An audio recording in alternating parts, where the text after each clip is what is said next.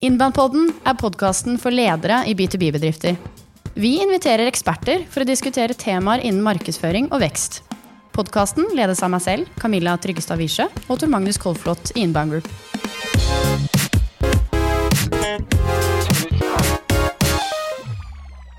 Hjertelig velkommen til en ny episode av Inbound-podden. I dag eh, har vi besøk av en mann som er nominert til Årets ledertalent for 2021. Han omtaler seg selv som potet, en spesialist på å være generalist. Håkon Høgetveit fra Vouch, velkommen. Takk skal du ha. Hyggelig å være her. I dag skal vi få høre litt om din reise i Vouch, men men reisen starter jo ikke der. Vi skal tilbake igjen til tiden i Ace og i Aker og lenger tilbake, og høre litt hvordan du har vært med på å gründe og ta, ta bedrifter fra lite til mye. Mm. Og med oss i studio har vi også en annen gründer som er vant til å ta eh, bedrifter fra lite til mye. Tor Magnus. Jo, god dag, god dag, egentlig. Ja, eh, Hva tenker du om gjesten vår eh, i dag? Nei, jeg tenker at eh, det blir spennende å høre hva Håkon har å si. Han eh, har jo han har jo startet opp flere satsinger, både i, eh, i eksisterende selskap og nå fra bunnen av fra ikke nå. Eh, og det er et veldig kult konsept. Og Håkon han er jo helt annerledes enn meg. Han er supersmart og var jo eh, sånn student eh, Hva skal vi si? Eh, du startet som eh, A-student og har gjort superkarriere. Eh, så nei, det blir gøy. Hvis Håkon er A-student, hva er du da? Ikke noe. Ikke noe. Ja. Student av livet. En livets. ja. Ja, livets Jeg, jeg hadde vel et sånt et års tid på BI, vel. Ja, Ja. det syns. Jeg, var, jeg, jeg, jeg rakk å være innom studentbaren litt og Ja. et par fag. Det er bra. Det er viktig. Eh, Den, men den glemte jeg. Satt bare og nøla. Ja, ikke sant? Det er ikke dumt. Håkon, eh, fortell litt om eh, reisen din. Du, du er i Vouch nå. Hvordan havna du der? Ja, det er en, eh, det er en lang, eh, lang, long and winding road. Eh, potet ble sagt, det er ikke så feil. Jeg tror eh, min, min vei har den er, den er, Hvis du ser på den CV-en, karrieren, så er det en liksom pingpong-vei ping innom veldig mye forskjellig. Eh, fellesnevneren er nok at jeg er utrolig glad i å være med å bygge ting. Eh, tidlig fase. Jeg blir dratt mot ting jeg ikke har gjort før, eh, og ting jeg ikke kan. Eh, og har en glede av å lære det, og lære å beherske det, og så gå videre. Eh, så jeg vet ikke, det har vært innom litt alt fra å være Ja, da jeg var ung, så var det journalist jeg skulle bli. Det var der det begynte. Jobba som journalist i uh, lokalavisa som uh, 15-åring og ble kjørt rundt på fotballkamper og skrev saker. Uh, Hvordan ble du journalist som 15-åring? Nei, er 15-16-åring. Det er noe Jeg skrev det, jeg ringte avisa og sa at hadde ville skrive. Og vi er en lite sjappe. Jeg forsvant ut av Ringsaker Blad omtrent eh, Jeg tror det var det fylt Hadde mer enn 50% av produksjonen på en tirsdagsavis. Så var det på tide å move on. Eh, Så en produktiv liten, eh, liten kar.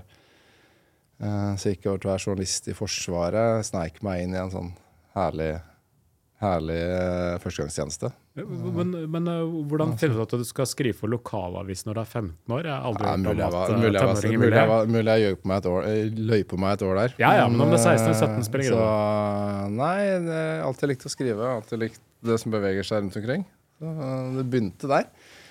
Vi ser noen spor av hvor dette her skal gå. hen. De fleste 15-åringer leverer jo lokalavisen. De skriver ikke i den. Nei, så, nei, så jeg hoppa over den. Men uh, så det Jeg, var jeg leverte Aftenposten jeg, Ja. da jeg var 15-16. Nå kommer jeg også fra et lite sted, så det er, uh, det er ikke så mye verdensnyheter det var å skrive om.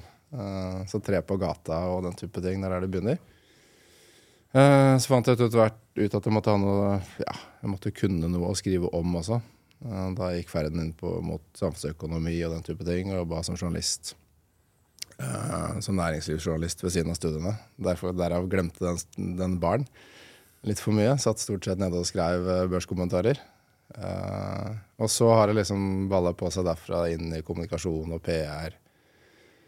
Til, tilbake til finans. Fant ut at uh, det var megler i Pareto jeg plutselig skulle bli. Helt til jeg fant ut at det skulle jeg ikke. Eh, og så har jeg vært da noen Gått skole i Aker-systemet i en 10-15 år etter det. Eh, bygget opp litt. Vært med å være med på noen industrieventyr der. Eh, før man nå ja, steget, har tatt steget ut og bygger egen satsing. Relativt fra scratch, det som da er Vouch. Som er jo på en måte også en reaksjon på mye av det man har vært med å bygge opp. For noe av det vanskelige i å gå fra null til én i selskaper er jo åpenbart å få tak i de beste folka. Eh, og det man liksom har sett mer og mer over de siste årene, er at færre og færre søker. Eh, det blir mer og mer, ja, mer viktig å finne disse, disse sju av ti som faktisk ikke søker på jobber. Eh, og det er det vi prøver å bygge en plattform for å, for å, for å huke tak i. Og gjøre den jobben, eh, den flyten av talent, eh, lettere for selskaper. Så vi bygger egentlig en plattform jeg gjerne skulle hatt eh, når jeg drev og bygde opp en del av disse selskapene i Aker-systemet. Nå, nå, da, nå, bygger du jo fra scratch, eh, som du sier. Mm. Eh, tidligere har du bygd i det du opptaler som et stort system, altså mm. i Aker. Mm. Hva er forskjellen på å, å, bygge stein for stein med en sånn rigg, og det å stå helt på egne ben? Eh, det er en ganske stor forskjell. En av, en, av, en, en av, de store forskjellene er jo kapital, selvfølgelig. Det gir eh, å ha, å ha en ryggsekk med noen ekstra kroner. Gir litt mer eh, gir litt andre muligheter enn å begynne, begynne med null. Um, men det har vært litt sånn Aker er jo litt Aker er et fascinerende Det er et fantastisk system i den forstand at de alltid De har det genet i å liksom ja, punch above, above their weight class eh, på godt norsk. Eh, som har en sånn gründerspirit i seg. Eh, da jeg begynte i Det første eventyret der var jo det som nå er Aker BP. Norges, det nest største oljeselskapet på norsk sokkel. Eh, da jeg begynte der ja, I dag produserer det 500 000 fat om dagen. Eh, olje, omtrent. Da jeg begynte, produserte de 2000 fat. Eh, så en fullstendig nobody. Ingenting. Likevel fikk jo Kjell Inge og Øyvind og de for seg at dette skulle bli den største aktøren. Eh, så du har liksom den mentaliteten å bare tenke så ufattelig stort. Eh, mye, mye større enn det du tror er mulig som liksom ligger i det systemet også. Så selv om det er, om det er liksom en del av et corporate system, så har du en del av den startup-viben og innovasjonsviljen i systemet. Hvordan, så, hvordan, merket du det, på en måte? Ja, det er litt den der Ja, det er liksom Ja, det å ja, Det begynner jo på en måte der du, du begynner, da. Vi, vi var, det norske, som det da het, var privilegerte med å ha eierandeler i et av Norges største oljefelt, Johan Sverdrup, blant annet, men hadde jo ingen sjanse til å finansiere utviklinga uten å gjøre liksom store grep. Eh, og et av de grepene som var naturlig, var å kjøpe produksjon. F.eks. kjøpe opp et amerikansk oljeselskap som ville ut av Norge. Og det er sånn Her er det liten oljemygg som ikke eksisterer. Eh, vi får høre at det kommer et eh, oljeselskap for salg som heter Maraton. Det skal vi ha. Det er det som passer porteføljen vår best. Kjell Inge og alle de er liksom yes, det skal vi ha. Det viser seg jo selvfølgelig at de folka i Houston har ikke, har ikke hørt om det norske. De har ikke hørt knapt om Aker. Eh, og fra liksom på noen måneder gå fra, fra, det til å klare å overbevise en eh, Å fly tur-retur til Houston, overbevise dem om at de er en pålitelig kjøper, selv om de aldri har operert et oljefelt ever. Eh, med trygge, og det, å kjøpe og selge et olje, oljeselskap er ikke det samme som å selge et annet asset.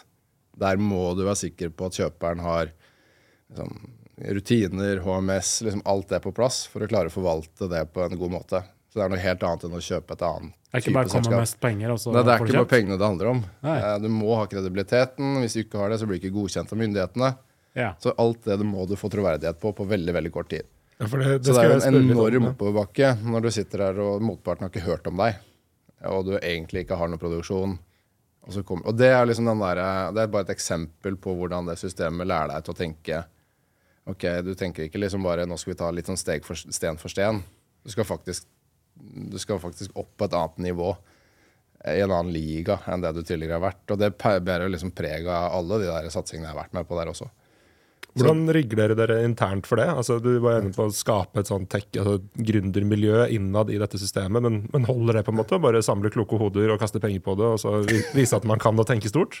Nei, det gjør du ikke, men det hjelper med flinke folk. ja. uh, og flinke folk vil gjerne være med på noe visjonært. Eh, de Det er jo ingen som det er sånn, ok, og det er ikke olje, Men olje det er et eksempel. da. Det er ingen som blir med det, for vi skal Ja, det har vært kult å eh, liksom kanskje bli fem ansatte til og, bli liksom, og bygge stein på stein og bli et lite oljeselskap. Det er mye mer motiverende å gå inn og si at vi skal bli nest størst i Norge. Eh, og vi skal kanskje bli den største independent, independent oljeselskapet i Europa. Eh, og det skal finansiere det skal bidra til å finansiere at vi kan gå inn i andre vertikaler, bygge opp teknologiselskaper, sånn som Cognite og Ace er eksempler på. Komme som en direkte konsekvens av dette her i et akersystem.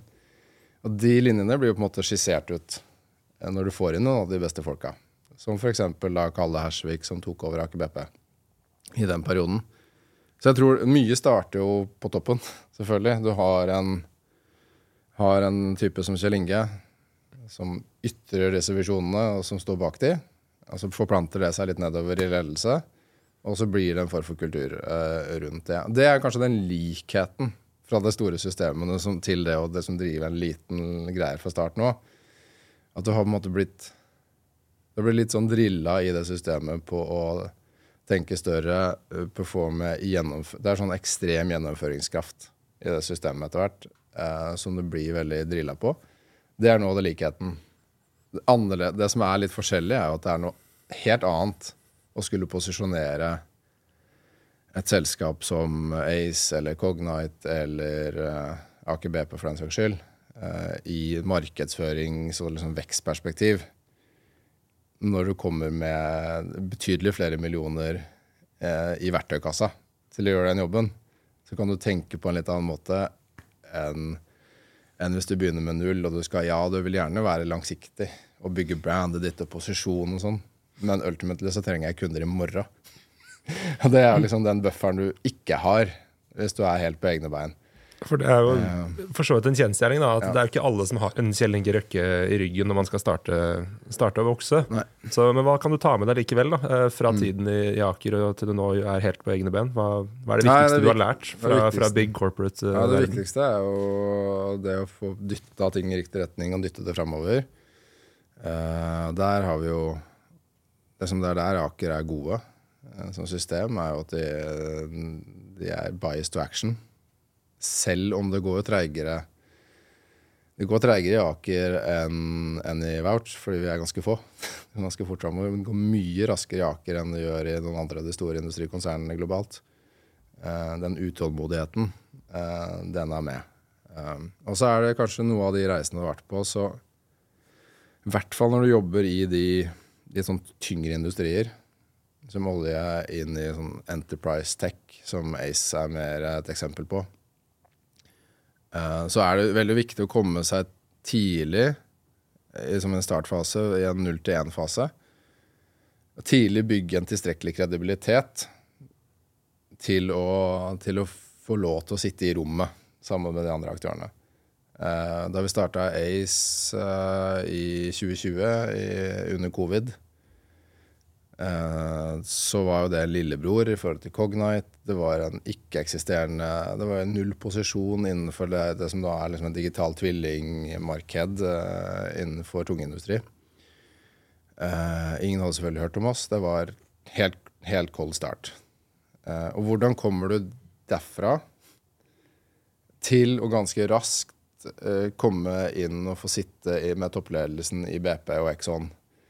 Eh, og de store energiselskapene globalt, eh, og bli tatt seriøst med dine produktplaner. Det er et ganske stort hopp.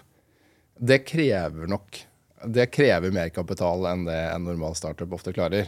Eh, og det er jo det vi da prioriterte der ganske tidlig. Er jo å investere i brand marketing, employer branding for å få med de beste folka. Stå litt på events. Liksom, igjen punch above the weight class frem Så liksom ha en posisjon, en profilering. Jeg kjøpte ikke noe selskap for å få litt flying start der? Det var helt fra ja, ja, vi kjøpte Det ble det satt i gang med å kjøpe ut uh, innmaten av et softwarehus i Axolutions. Altså det var en sånn intern, intern transaksjon i Aker. Uh, for å få med et software-miljø uh, innenfor, innenfor, utvikling og drift av, av den type assets. Så litt flying start. Uh, på mennesker og, det. Men selve produktvisjonen og produktet er egentlig utvikla seg til å bli noe ganske annet uh, enn det man kjøpte der. Um, men jeg tror liksom det å ta med seg der er liksom den der posisjoneringsjobben. Skal du selge et produkt som Ace eller det Cognat jobber med, så selger du Enterprise. Du tar, det er lange, lange hva er lead times på no, eller sånn sykler for salgssykler. Kjøpsreiser. Det kan ta år. Uh, du, inn, du, skal innom egentlig beslutningskomiteer i de store systemene. Du må finne et narrativ og et språk som både IT-sjefen forstår, og mm. den vedlikeholdsarbeideren som skal ut på plattformen og skru, mm. forstår. Og begge må forstå hvorfor dette liksom, softwareproduktet som noen skal komme med, på toppen av alle andre softwareprodukter de allerede er lei av, eh, hvordan, hvordan, fikk dere, hvordan fikk dere de første kundene? Hvor lang tid tok det før, før dere fikk betalende kunder? og hvordan... Eh, ja, det, det, holder på, det fortsatt. Eh, men BP er en av de som Det begynner egentlig med Det er jo litt sånn relasjoner her også, eh, selvfølgelig. Det er jo litt uh, fordelen man har av et aksjesystem. Eh, ja, det er andre søsterselskaper osv. Søsterselskaper, åpenbart. Så Aker BP er jo en stor kunde, selvfølgelig. Uh, så er det fortsatt.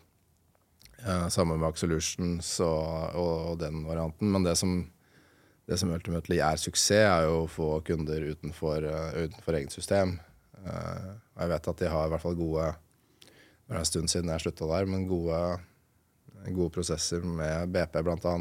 England og Exxon, et par andre av de store. Uh, men det begynner jo et mye treigere enn, treigere enn B2B, klassisk B2B SAS. Markedsføring. For det, der skal du gjerne gjennom pilotfaser, proof of concept, som de kaller det kanskje jobbe et år eller to hvor du bruker det på et asset eller to. Og så tar du det derfra og så ekspanderer du til en hel region, og så ekspanderer du til hele porteføljen. Så det er et, det er et veldig Det er et helt annet game. Så det handler ikke, For et markedsføringsperspektiv så handler det ikke nødvendigvis så mye om å bygge funnel heller. Liksom nye salg. De kan like mye like verdifullt å bare påvirke de 17 stykkene i BP i London, f.eks eh, kontinuerlig med, med materiell, materiell, både gjennom markedsføring, men også salgstouchpunkter, konferanser. Alle de tingene. Det er jo mye mye viktigere for et selskap som ACE kanskje enn å få det neste leadet eh, gjennom nettsida. Så det er jo kanskje den store forskjellen fra hvordan vi jobber i dag. Da. Hvor, eh, Har du hatt noe med Kjell Inge Røkke å gjøre, eller? du personlig? Eh, ja, han satt jo i styret i Ace til å begynne med. Mm. Og han var jo aktiv også med i eh, da vi var opp og ned til Ghana litt. Eh, I, da vi bygde opp et Du, du, var, et, du var, med til Ghana med Kjell Inge Røkke? Ja, jeg ikke, reiste vel ikke med han, men han var jo veldig involvert ja, Reisen før Ace var vel et lite eventyr hvor vi tok mål av oss å bygge opp et uh, oljeselskap i Ghana. Eh, gjennom Aker. Eh, I forlengelsen av en transaksjon vi gjorde i Aker BP, hvor vi kjøpte opp Hess i Norge, som er et amerikansk oljeselskap. Så kjøpte også Aker eh, Hess sin, sine andeler i Ghana. Og da kom det Da gikk man løs på et nytt industrieventyr. Og det er også et null-til-én-spill, egentlig. Du var tidlig med der bygge den kredibiliteten og posisjonen til å bli tatt seriøst som en ny aktør i et nytt land eh, som skal forvalte, være med å forvalte naturressursene til et land på en god måte. Det er også et krevende posisjonerings- og, og et spill for å skape kredibilitet. Så mye av det var jo å reise opp og ned til Ghana, møte interesseorganisasjoner. Hva var forskjellen på, på det å ta en posisjon i Ghana og f.eks. i Norge eller USA eller andre steder du har jobbet? Mm, det er jo et helt annet game, i hvert fall. Uh, Sånn kommunikasjonsmessig? Kommunikasjonsmessig så er det jo kan nesten ikke sammenlignes. Eh, det store forskjellen kanskje er jo det du fort blir overrasket over. Det er jo at fakta er litt mer tøyelig noen ganger i medier og organisasjoner og sånn. Det er vant til et ganske Norge er jo ganske streit og seriøst, selv om vi kan være oppgitt over medier og oppgitt over uh, influenser og alt annet innimellom. Så er det stort sett et snev av sannhet i det meste av det som uh, skrives om. Det er litt mer tøyelig, kanskje, enn en del andre land. Og du får en del andre utfordringer eh, når man skal uh, I hvert fall når man prøver å ha integritet i kommunikasjonen og være saklig. og det er jo alltid meningsmotstandere. Dette er jo et høyt politisk, det er jo et politisk land med stor eh, med store skiller mellom eh, de to blokkene politisk. Eh, så, som bruker liksom, da, da kommer du inn i det gamet der, da. Eh, og det er litt annerledes. Så da brukte mye tid med interesseorganisasjoner og andre for å faktisk bare forklare hva, hva, hva en, hvordan den norske modellen for forvaltning av oljeressurser f.eks. er. Hva det innebærer å bygge et oljefelt. eh, Et felt som det. eh, Hva slags muligheter det kan gi. Hva slags eh, utfordringer det har. Hvilke rammebetingelser som trengs. Så det var mye den type jobbing, sammen, med klassisk liksom, kommunikasjon og markedsføring. Eh, Men det er litt annerledes. Det er litt andre dynamikker. eh, Spill, og mye mindre kunnskap. Hvordan gikk det? Nei, det, det gikk jo i og for seg Først gikk det veldig bra, og så kom covid, eh, som satte litt sånn pause på det hele. Men vi lyktes jo i hvert fall å skape en, en posisjon på landsbasis også. Jeg tror de fleste hadde et forhold til, eh, til hva selskapet var. Endte vel med at vi, vi landa jo de rammebetingelsene vi trengte for å i, ent, ja, eh, Endte vel med å endre, endre deler av petroleumsloven og sånn på julaften eh, et år der nede. Eh, som ga de rammebetingelsene vi trengte for å faktisk ta investeringsbeslutning. Og gå i gang med det prosjektet. Så vi var godt på vei. Eh, så fikk det en liten effektiv brems da covid kom. Jeg tror vi hadde tenkt å sette i gang og kutte stål i Italia den sommeren. eh, 2020. Det var jo ikke veldig sannsynlig når Italia var stengt ned i mars. Eh, Så det satte jo en liten brems på det, eh, som har satt eh, i praksis eh, ga en kjapp avslutning. Men det var litt eksterne faktorer bak det. Hva det var er det som fortsatt skjedde da? Hm? Hva skjedde da? Nei, da ble det jo det en litt sånn kjedelig jobb, da. Da er det jo egentlig stengende i driften. 150 mann eh, måtte gå på noen dager. Eh, det er jo satt på pause. Nå er det på vei opp igjen. Jeg tror de har Nå ble det solgt jo Aker det eh, for en stund siden. Eh, men nå er det jeg tror, Hvis jeg ikke husker feil, fikk de godkjent utbyggingsplan og sånne ting, og er, er i gang igjen nå eh, med samme konseptet. Eh, men det fikk seg jo en liten utsettelse som følge av det. Eh, men eh, ja. Så det, det ga nye muligheter. Da, da kom Ace på banen, så det, det var gøy. Du har vært med på noen eh, eventyr, Håkon. Fra Aker og via Ghana og Ace og, mye spennende. Men reisen den har tatt deg nå til Vouch. Ja. Der står du helt på egne ben. Du har starta for deg sjøl. Mm. hvordan går det? Hvordan, hva er Vouch, og hva er driver du med? bra. Det, det, det starta jo i den perioden vi bygde opp Ace, eh, fra egentlig seks mann til et par hundre. Um, og det vi I samme periode som vi sleit med det, uh, å få fatt i de beste folka, uh, så starta Sprint Consulting, som er et uh, butikkmanagement consultinghus i, i byen. Uh, en sånn, ja, hva kaller man det, minimumsprodukt, MVP. Eh, teste, teste dette vouch-konseptet, om det, det er noe som eh, kunne fly. Eh, og vi kom i dialog i den sammenheng, og jeg prøvde vel å drepe det caset i et halvt år, før jeg til slutt ble enige om at dette går vi for. Hvorfor vil du drepe det? Nei, for det er liksom det man gjør i den starten her, da. Du prøver jo å finne ut av Du validerer jo hypoteser i en tidlig fase. Er dette noen kunder vil betale for? Og for, først da, dette er jo egentlig en Det er som jeg sa, en reaksjon på det at folk ikke søker på jobb. Det er kun tre av ti som søker på jobb. Vi opplever at vi trenger en bedre måte å nå de siste syv på. Eh, Det er investert ufattelig mye i HR Tech Software alt annet for å optimalisere søkeprosesser og den type ting. Men veldig lite for å faktisk nå de sju. Annet enn å, ja, annet enn å ringe hodejegere eller søke det ned og jakte det ned selv. Um, så det, vi vil bygge, er en plattform som gjør nettverksrekruttering mye, mye bedre og mer effektivt enn det har vært til nå. Uh, og det er noe Sprint, uh, som er min medgründer egentlig gjennom det selskapet, uh, konsulentselskapet, de har ansatt 90% av sine folk på den måten. Det har jeg opplevd selv at er den mest effektive måten. Um, så da bestemte vi oss for å gå for det. Um, og reisen deretter Men hvorfor du vil drepe det, det er jo nettopp fordi du Hvorfor gå for det hvis du Du må finne ut av noen sånne hovedhypoteser. Vil selskaper betale? For vår del så har vi en gjeng med Da er vi basert på at folk anbefaler andre personer inn til en jobb. kanskje få en belønning dersom det blir en ansettelse. Da må vi også vite at folk er villige til å faktisk anbefale nettverket sitt inn til jobber. Det fikk vi validert. Og det siste er jo liksom liker kandidater dette her. Eh, Er det en god opplevelse for den tredje brukeren på plattformen? Og det har altså vi også gode, for, Nå har vi veldig gode indikasjoner på at det, stemmer, men også da, det var på en måte de tre viktige hypoteser vi måtte teste. Og da går man jo inn i sånn hypotesetesting, i hvert fall mentalt, er jo å drepe hypotesene.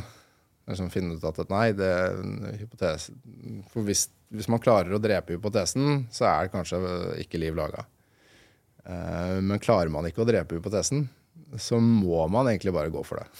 Eh, og det er den situasjonen vi satt, litt i, og det gjør vi i hvert fall nå.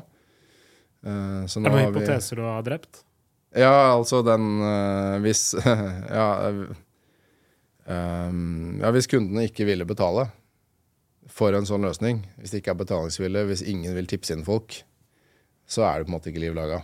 Eh, Men når vi klarte å validere at det det vil faktisk folk, og dette er et produkt som markedet vil ha, så er du heller i en posisjon at du kan, du kan ikke la være å bygge det. Må, vi må bygge dette her. Eh, og er, det, det, er den, eh, den, det er det vi innså da i fjor høst og satte i gang for alvor. Eh, og nå har vi holdt på et år til etter det.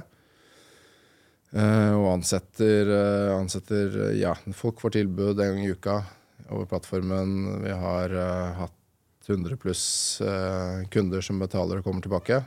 Eh, og vi er, sånn jeg ser det, i ferd med å endre mye av dynamikken, fortsatt i liten skala, eh, på hvordan man faktisk kan rekruttere talenter. Eh, Hvor, hvor, hvor lenge er det siden du starta dette her? Ja, Vi stifta det vel for et drøyt år siden.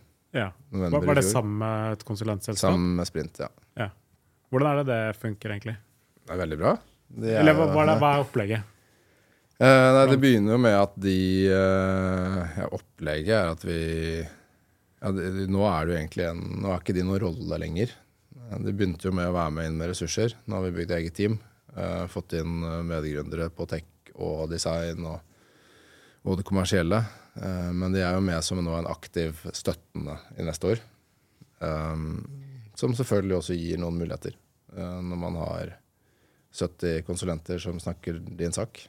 Så er ikke det det er ikke en Det er en positiv Har dere er hentet inn noen penger, eller hvordan Ja, vi gjorde, vi gjorde en liten runde i februar, og vi holder på med å hente litt kapital i disse dager.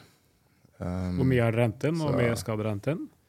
Vi henta vel drøyt tre millioner uh, tidlig i år, og nå er vi vel ute med ja, rundt fem millioner et sted. eh, For å ta det, ta det videre. Hvor lett eller vanskelig er det å hente inn penger nå? Det er jo ikke Det ikke det samme som det var under, eh, under covid.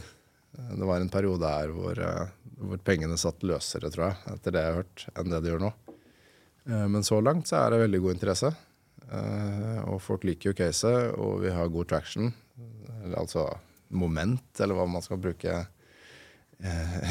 Vind i seilene. er det beste norske uttrykket for det.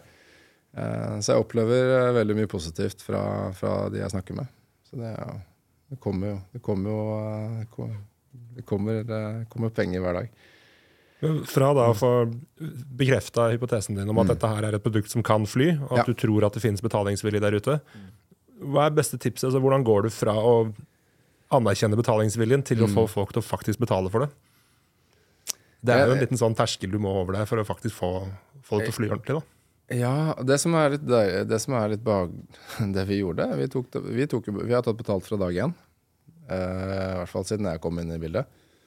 Um, og det er, det er jo den viktigste testen. Du må selge. Uh, og det er jo kanskje noe av læringen liksom, i tidlig fase. Du kan ikke, ba, du kan ikke bare mm, kaste, kaste på markedsføringspenger og bygge, bygge liksom, kredibilitet og en posisjon ut av det. Her må du faktisk finne ut om det er noe. Eh, og den enkleste måten å finne ut det på, er å ta opp telefonen og, og selge. Eh, og er det noen som er villig til å kjøpe det og betale for det, komme tilbake når opplevelsen er god, så er det den beste indikasjonen. Ja, Det er litt annet test enn å ringe rundt og spørre Kunne du tenkt Tenk deg sånn ja, ja. å betale hvis jeg hadde et system som kunne hjelpe deg med sånn og sånn? Ja, Det er lett å si ja. det er lett å si ja. Men når du Eh, sånn Vil du betale nå? Jeg sender deg faktura i morgen. Ja, Det er en helt annen opplevelse. Og det er ikke noe med sånn at du har liksom tatt så utrolig godt betalt nødvendigvis fra starten. Uh, men det var ganske viktig for meg at det skal da, jeg, tror det, jeg tror på det å ta betalt, da. Også i tidlig fase, genuint, fordi det gir en annen Kjøper må også være Ta en aktiv beslutning til om dette er en, en Det løser en smerte som er sterk nok til å faktisk eh, Til å ta seriøst. Eh, kontra det å kanskje bare slenge det og bare teste og glemme det. Det er sånn, Har du gjort en eller annen kjøpsbeslutning om så liten, eh, så tar du på en aktiv beslutning. Eh, og, du er, og du er kanskje mer villig til å faktisk bruke det. Og få tilbake noe på den investeringen du har gjort, enn hvis det bare er en gratis test. Og det er kanskje noe vi har sett mer her. Fordi det er to måter å tenke på et produkt som, som Varts på. Det er én, så kan du se på det du Enten så bruker du det for å engasjere nettverket ditt. Eller så kaster du ut en annonse og la, skal la noen andre fikse problemet ditt og få tak i den rette. En del av modellen vår er litt no cure no pay. Eh, men den siste der er jo på en måte en litt sånn passiv løsning. Eh, men det vi vil, det som Vouch er lagd for, det er både å kunne utvide nettverket ditt, fordi hvem som helst av våre brukere kan hjelpe deg med å fylle de rollene du trenger. Men enda viktigere er jo å gjøre det mye mye lettere og bedre for deg tror Magnus, å engasjere nettverket ditt. Du kjenner veldig mange. Hvis du skal ansette folk, eh, det er ingenting mer powerful enn å få aktivert ansatte her, eh, dine kunder, dine ambassadører, til å bli Kjenner du min nye tekstforfatter? Eh, Det er et veldig sterkt et. Da trenger jeg at du også bruker det. Og for å bruke det, så må du gjerne investere i konseptet. Du må kjøpe det, du må skjønne at det er en smerte der, og du må gjerne betale for det. Eh, Så det er kanskje det vi har lært mye av. Det er eh, letteste måten å finne ut om det er betalingsvilje, er å forsøke å selge det. Og ta betalt. Og kanskje at den smerten du beskriver, er, er stor nok. da, At det er Ja. vanskelig å finne, finne Ja. kloke hoder. Og det, det er det vi opplever, i hvert fall fra de som har Og det ser vi jo mange, flere ganger også. Det er uh, noen som er sånn Ja, vi vil se om det kommer noe, kommer noe søkere først. Og sånne ting. Og så kommer ofte Og noen ganger så gjør det jo det. Og ingenting bedre enn det. At du får de rette, de rette inn på den måten. Men veldig ofte så kommer man jo ofte litt seinere og sier at ja, vi fikk jo 60-70-80 søkere, men det er jo ingen som er kvalifisert. Uh, så vi, vi, får, vi tester. Og så, kanskje, så kommer det kanskje inn fire-fem fra oss, men fire av dem vil intervjue.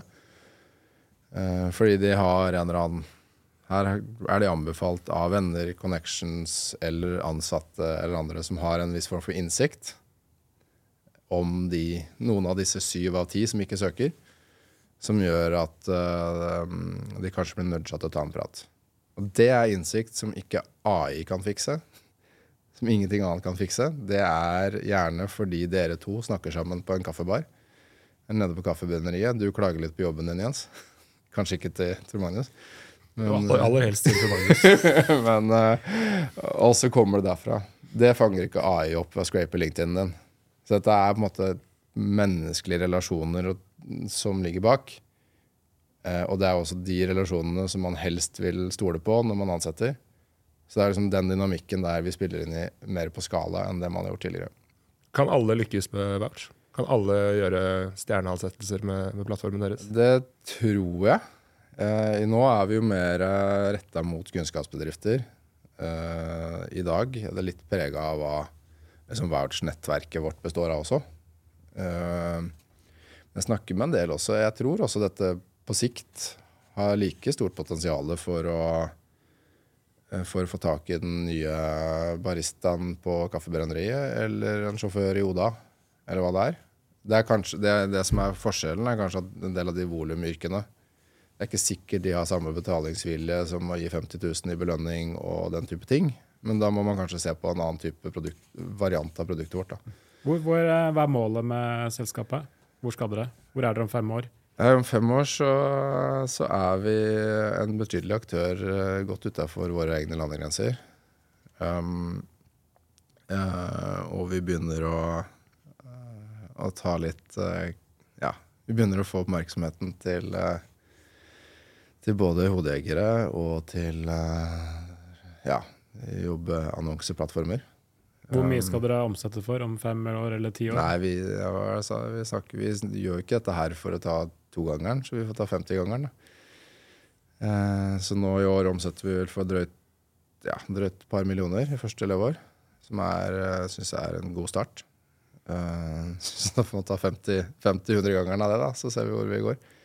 Men vi er inne i det her for å faktisk For å gjøre en seriøs sak av det. for å endre egentlig Det er tre måter du kan rekruttere på. Enten så gjør du det innbad, da kommer søknader inn. Eller så jobber du outbound, som mange gjør også. Du søker de ned, du bruker hodejegere, som er fornuftig i veldig mange tilfeller. I hvert fall i spissa roller og sånne ting. Du trenger litt mer sånn spissa targeting på det. Eh, men de også jobber nettverk. Alle, både hodejegere og selskaper, har en felles pain på at det er veldig vanskelig å få tak i og få napp i de beste kandidatene. Så det vi skal eie, er egentlig hele, hele nettverksrekrutteringssegmentet. Hva, hva er de viktigste elementene av markedsplanen til Voge? I et case som vårt så kommer du ikke utenom eh, ganske aktivt outbound salgsarbeid um, i, i, veksten. Uh, men så må det også kobles gradvis med markedsføring i tillegg. Og så er vi et Vi har et element av markedsplass i det vi jobber med i tillegg.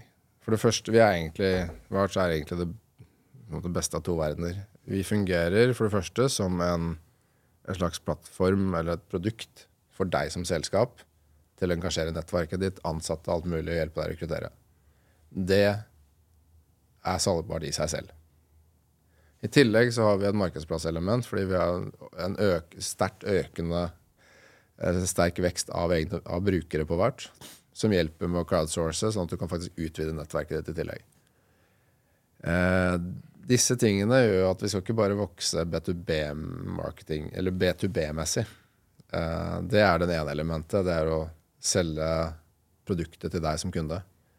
Men vi må også, både gjennom kunder og gjennom egen markedsføring, tiltrekke oss et nettverk av mennesker som anbefaler gode folk til jobber. Så vi har et element av både B2B og B2C, bare for å gjøre det ekstra deilig og komplisert. Uh, men som også gjør det veldig veldig gøy. Så elementet for å gjøre B2B-salget, det mm. er å liksom aktivt ringe rundt liksom, og jage nye kunder? Eh, også litt ja. uh, digital markedsføring etter hvert? Ja. Og på mm. B2C-delen, hvordan Nei, det er all, Begge sider her har også et veld, uh, veldig fint nettverkseffekt, noen nettverkseffekter som jobber for oss, selvfølgelig. Uh, så det er kanskje det, er den, det, har vært den viktigste så langt. Det er word of mouth. Det er noen innebygde sånne vekst... Ja, hva kaller man det på norsk? Flywheels, eller liksom looper som, som, går i produktet, ved at hvis du anbefaler uh, meg, og jeg sier ja, så blir jeg bruker, jeg anbefaler kanskje deg videre. Uh, du har en del naturlig iboende brukervekst i den biten. Mm. Uh, og så har vi også en del eksempler på tipsere som har fått belønning og blitt 30 40 50 000 rikere eh, ved å hjelpe sine folk inn i drømmejobben, som så kommer tilbake som kunder. Fordi mange av disse folka sitter jo også i posisjoner hvor de skal ansette. Så det har veldig mye av de der iboende vekstloopene i produktet. Eh, så de er viktige. Men utover det så er jo eh, tiltrekke seg tipsere. Det er jo enten gjennom kunders aktivitet eh, eller eh, gjennom eller vanlig paid marketing. Det er egentlig det å tiltrekke seg ambassadører. da, ja. Eh, blir sånn selvforsterkende greie ved at de også blir ambassadører for Vouch. Ja. Hvor kom ideen fra, det hele systemet? Mm, nei, den begynte den, den, skal ikke jeg påberope meg. Den begynte litt i et, et kammers for Sprint. Um, fordi var, de trengte bedre måte å rekruttere på selv? Mm, ja, også det, der er deres, det de så, er jo at de har rekruttert 90% pluss av alle sine liksom, ansettelser som ikke kommer fra, rett fra studiene. Det er et annet game. Kommer gjennom eget uh, tipseprogram internt. Mm. Yeah. Uh, hvor uh, ja, 90% av dem har blitt anbefalt av noen som jobber der, eh, mot en belønning. Satt det viss grad i system. Eh, og de og jeg kommer da liksom til en relasjon hvorfor, hvorfor begrense det til det interne? Hvorfor ikke også engasjere eksterne krefter i den jakten? Både gjennom det som Vouch kan være, det er liksom en ren crowdsourcing, utvidelse av nettverket, men også liksom få med deg kundene, få med deg alumnien, ambassadører som har slutta før. Hvordan er det du kom inn i dette her, da? Eller i det hele tatt, du var inne i Aker-systemet, som Ja. var jo så bra. Du snakket om at det var jo helt rå kultur. Ja, det er, det, der er skal man uh, bokse over uh, vektklassen og Det, det synes som det beste fra alle verdener, egentlig. Du har litt sånn kul, offensiv gründerholdning. Uh, holdning. Eh, Med funding. Med, med funding og system og det ene og det andre. Ja. Eh, Du kan kanskje få noen eh, kunder med en gang på det nye systemet, fordi det har en familie med selskaper. Mm. Så hvorfor eh, slutte der og hoppe inn i dette greiene her? Nei, for dette har jeg ikke gjort før. Nei, jeg... Så Pippi, det har jeg ikke gjort før, så da kan jeg det sikkert. Mm, Ja, stemmer. Eh, men det er litt den typen jeg Det er det som brenner Det jeg trigger på, egentlig. Um, bygd- Hvordan, hvordan, nå har hvordan ble du rekruttert inn som medgründer her? Jeg ble selvfølgelig voucha for. Eh, ja, men det er jo faktisk sant. Eh, ja. ja, Ja, det er morsomt. Ja. Så dere tar eh, Så egen alle, medisin? alle i Vouch har blitt for. Ja. Uh, også min uh, tekststjerne og min kommersielle leder og, uh, og designeren. Alle interns. Det er på måte Det er, det er noe i det. Kult. Um, men det har jo også en historie med at jeg har jobba med Sprint og Skyfall-miljøet, som er deres investerings, eller en av deres investeringsspin-offs, uh, i flere år. Hvor eh, jeg har vært kunde av Sprint. Så jeg har noen relasjoner inn. Og ble nok voucha inn pga. det, og vi kom i en lang dialog over tid. Merkelig. Relasjoner og nettverk osv. Det har litt å si. Det har visst det. Ja. Men det som er greit å si, da det er liksom, Man kan jo lett tenke seg at dette er nepotisme også. Ikke sant? Og det er jo en vanlig kritikk mot de vanlige interne tipseprogrammene. Ja, nå bruker du sånne ord ikke jeg kan. Nepotisme er jo basically du gir jobben til eh, fetter, eh, fetteren din og liksom Litt sånn som det er i Ghana, kanskje?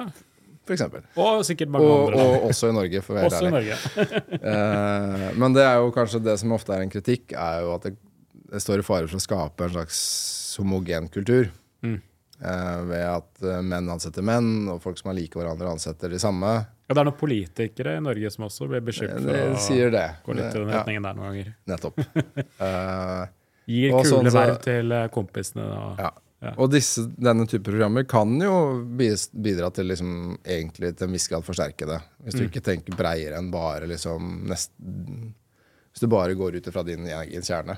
Du kan jo skape Men- en liten boble, rett og slett. av En folk liten som, boble. eh, Nå er det som jeg syns er så compelling her, da, for det ser vi det faktisk det motsatte skjer.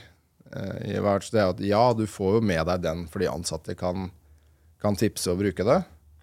Men det at du gjør den eksterne i tillegg, gjør at du tapper også inn i en mye mer eh, divers demografi.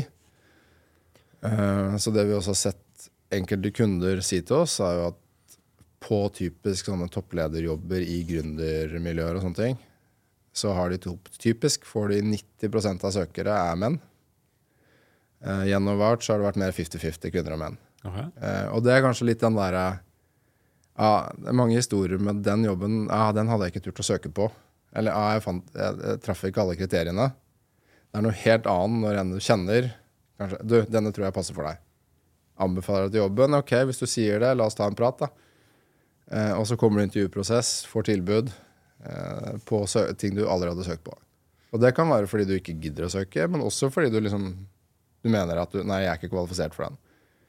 Så det er liksom det, det, er jo, det er jo deilig å se at det også faktisk skjer. Mm. Hvordan tenker du sånn med, med vouch-brillene på at arbeidsmarkedet ser ut uh, framover? I en ideell verden.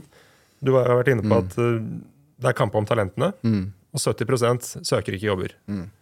Hva er en ideell verden for vouch? Hvordan, hva skal til for at dere lykkes i arbeidsmarkedet framover? Jeg tror vi er godt posisjonert, eh, nettopp pga. det du sier.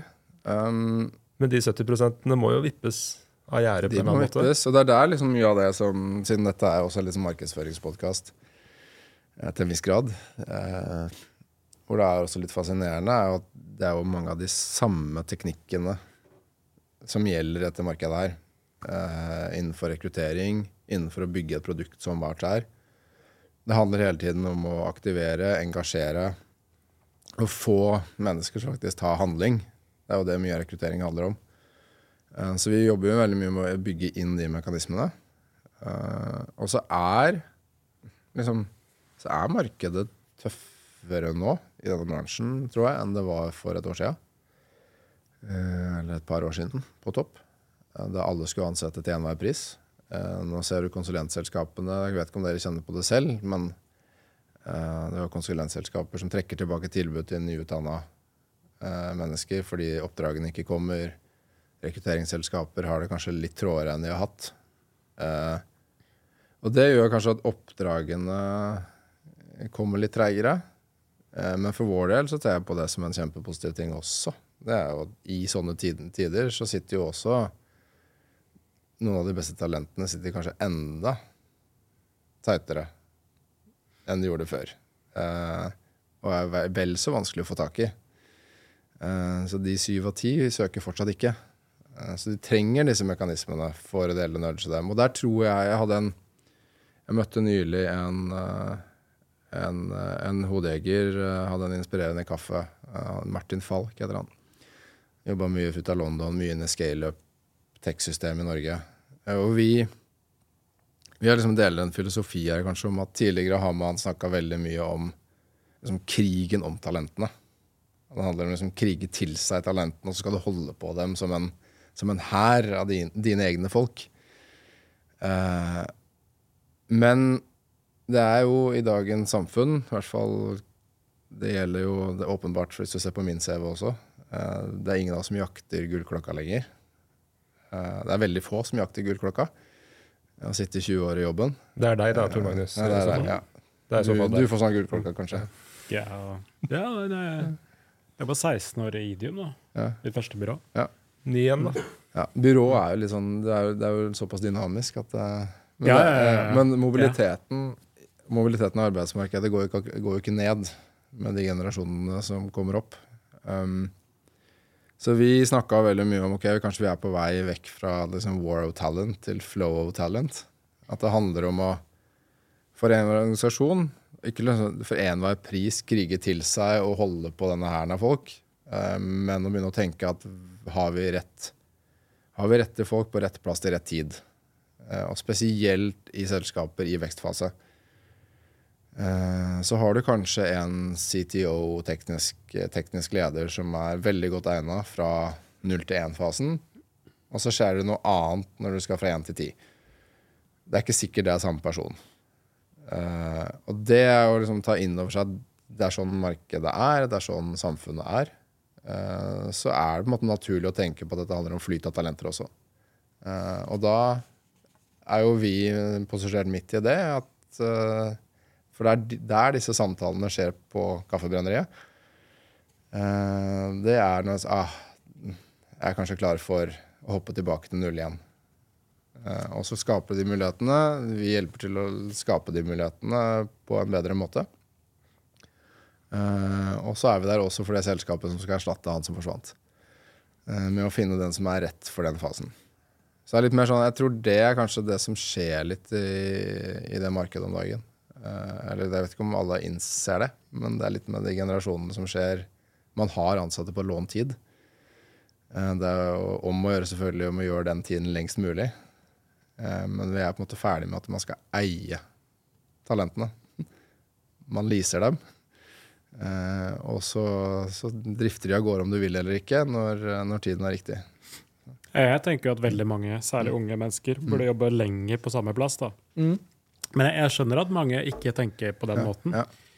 Um, for det er litt sånn når det er blitt varm i trøya, så skal du bytte jobb. Det, det får jeg litt noia, merker jeg. Mm. Folk er utålmodige. Mm. Ja, men det er liksom Eh, hvordan jo, jo, jo.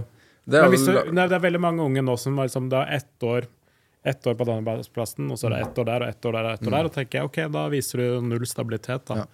Du skal bare kaste deg opp på neste utfordring med en gang. Mm. Det, egentlig så kunne du kanskje vært mer kvalitetstegn og Mm. ta en ny utfordring innenfor samme system eller samme organisasjon. da, Mm. Og vise litt sånn at du er litt utholden. Men Mm. jeg, skjønner jo at Men folk tenker tenker jo liksom- ikke som meg. Men jeg tror jo det egentlig for bedriftsledere, så er jo det noe å ta inn over seg, selvfølgelig. At hvis det er den verden eller Hvis det er slik den nye generasjonen agerer, så hvordan tilpasser man seg det? Det er egentlig det som er spørsmålet. Ja, må, må, Hvordan skaper ja, man ja, seg det er egentlig bra, fordi da må man som bedriftsleder og eier skjerpe seg da, og, Ja. og skape en sinnssykt bra arbeidsplass. Ja. Hvor det er stadig nye utfordringer for eh, de, de som står på Ja, da er verken Vouch eller Headhunter eller noe en trussel. Ja, ikke Eh, sant? Fordi det er liksom det, Men det er jo det, er jo det beste, det. Ikke sant? Ja, ja. Eh, Men å skape de mulighetene internt, da. Skape de neste utfordringene. Eh, Finne liksom, Jobbe aktivt med det. Det er jo det man bør sannsynligvis gjøre som når det er sagt, så syns jeg hele ideen bak Voach er veldig bra, da. Mm. Så det, det må jeg bare si. Mm. Men, sånn, eh, presisering. men, men i, i forhold til uh, uh, Tiden flyr. Tiden flyr. Det Ja. gjør den. Er det, sånn, er det på tide å oppsummere litt? Vi kan godt runde av litt. Grann. Uh, det har vært en utrolig spennende reise du har vært på, Håkon. Og det har vært kult å få høre om den. Eh, hvis du skulle trekke fram én ting i løpet av eh, din eh, etter hvert ganske lange arbeidskarriere med mange spennende eventyr, eh, hva er du mest stolt av? Du er fortsatt i 30-årene, er du ikke det? Jo. Ja, ja. CV-en skulle tilsi at du var i 50-årene. Altså, jeg, jeg blir helt svett når jeg ser CV-en til Håkon. Jeg blir jo superimponert. Passer jo, godt inn, da, i, passer jo godt inn i narrativet om flow of talents. Eh, og det skal også sies at både Aker og Ace uh, ruller videre, de uten Håkon. Så det er spennende. Det Eh, men hva er du mest stolt av i karrieren? Skal du trekke fram én ting du har eh, Det fornøyd med? er, eh, det, er, det er ikke så lett. Det er veldig lite glad i å snakke om ting jeg er stolt av, men uh, um, Det er lov. Ja. Nei, du Det er noe Det er et par Det er ganske mye som har funka, men det jeg er kanskje mest stolt av, det er i hvert fall det jeg prøver å gjøre, det er jo Og det er kanskje drilla litt på etter hvert, det er jo faktisk walk the talk og gjennomføre det man setter seg fore. Eh, og det er jo kanskje det jeg har jobba mest med de siste årene, selv om det kanskje ikke alltid er eh, det Jeg er en strateg, kanskje, men jeg kan ikke fordra strategier som blir værende på en powerpoint. Så jeg er utrolig liksom, opptatt av å sette ting i aksjon. eh, Hvordan får, du Deg, hvordan får du til det i praksis? Nei, det, er det, det jeg gjør internt, er både i Vouch nå også og tidligere, er jo litt det samme som eh, Kjell Inge og de andre gjør. er jo å si ting eksternt om hva vi har, og hva vi har bygd, og, hva vi, eh, og hva, altså, hvilke mål vi har. Eh, og så, så er det dit vi må komme. Det gjenspeiler seg ganske bra i det han sier også om at du selger fra første stund. Ja. Og da må du jo levere òg. Ja. Hvis du spør om Eh, noen kunne tenke seg å kjøpe, og, du, og de sier ja, så er du, har du ikke noen forpliktelse til å gjøre det du egentlig Nei, sier så du må sette deg noen sånne der, eh, eksterne nesten forpliktelser som gjør at du bare må jage Ja, etter gå det der, høyt ut og si at vi skal dit. Ja. Og, Og, da så jage etter. Og vi, da er det, handler det kun om å gjennomføre på det og vise at jeg klarer faktisk å levere på. Det er av med støttehjulene Eh, med en gang. støttehjulene, og det er jo liksom Men utover det så var det ganske gøy i eh, Det var liksom Ace-tiden også helt i oppstarten der. Er liksom, der begynte vi, startet vi et selskap fra ingenting under covid i et system som ikke er vant til remote hjemmekontor og remote arbeid. Eh, inkludert å kjøpe opp et selskap eh, i den perioden hvor vi ikke kunne møtes. Eh, stort sett alt skjer på Teams. Um, det å være med å bygge liksom, hvert fall noe som begynner å ligne en fellesskapskultur i en sånn rigg mens man vokser og skal ansette to i uka, um, det, det var ganske gøy. Uh, og det vi gjorde der, som er jo det fascinerende, det er at vi Det var litt sånn marketingstunt, kanskje, men det ga mening til slutt. Vi satte noen verdier i selskapet. Det begynner jo der. Men disse ble på en måte satt som Ja, det skulle være curious og collaboration. Og. Men den siste var jo av alle ting cucumber. Fordi vi bare trengte en ting til på C. Uh, det kunne vært courageous, kunne vært andre ting. Men den cucumberen ble på en måte Det ble representert Vi jo, vi drev og forma produktvisjon. Vi hadde masse subkulturer. Alt skulle inn. Hvordan samler du det greiene der? Det ble, det ble agurken. Som er veldig abstrakt, uh, men som skulle representere den X-faktoren. Det at du kunne komme og Du er liksom irreverent litt, eller litt sånn fryktløs. Kan teste ting. Vi tar ikke alt så seriøst. Det var liksom den X-faktoren som lå der. Uh, Så det er ikke et passe utvik... tilbake igjen til Agurknytt-tiden i Nei, lokalavisa? ja, det ble jo selvfølgelig masse av de der, da. Det er det som skaper litt av kulturen. Det å bare gjøre liksom ja, OK, vi gønner på med det. Det gjorde at man selvfølgelig hadde jo Det ble cocktailparties på Teams eh, med agurkdrinker eh, en gang i måneden. Det ble agurk-nytt-sekvenser. Det, ble bare, det er bare, bare fjas, mye av det. Men det skapte liksom en kultur som var veldig vanskelig å skape i en oppkjøpsfase med flere subkulturer og sånn. Eh, Så et tips til alle er. Gjør noe crazy. Lag din egen agurk. ja. Ja, er. Eh, så det, det funka til en viss grad. Så det er gøy. Håkon, det har vært eh, utrolig kult å ha deg på besøk i Inbound-podden. Jeg liker så. Uh, Tor Magnus, mm. alltid en ære å ha deg i stolen ved siden av også. Ja, takk for det, i like måte. Jo, Du begynner å bli god på podkasten Jens. Ja, jeg begynner å bli hakket mer komfortabel eh, Ja, ja, Nei, helt i rått. synes stolen jeg. der. Eh, Sitter tilbakelent. ja da, kos meg. Uh, det var det vi hadde for denne gang. Takk for at du lyttet eh, på Innvandpodden. Og husk å abonnere. Ja, husk å abonnere. På gjensyn.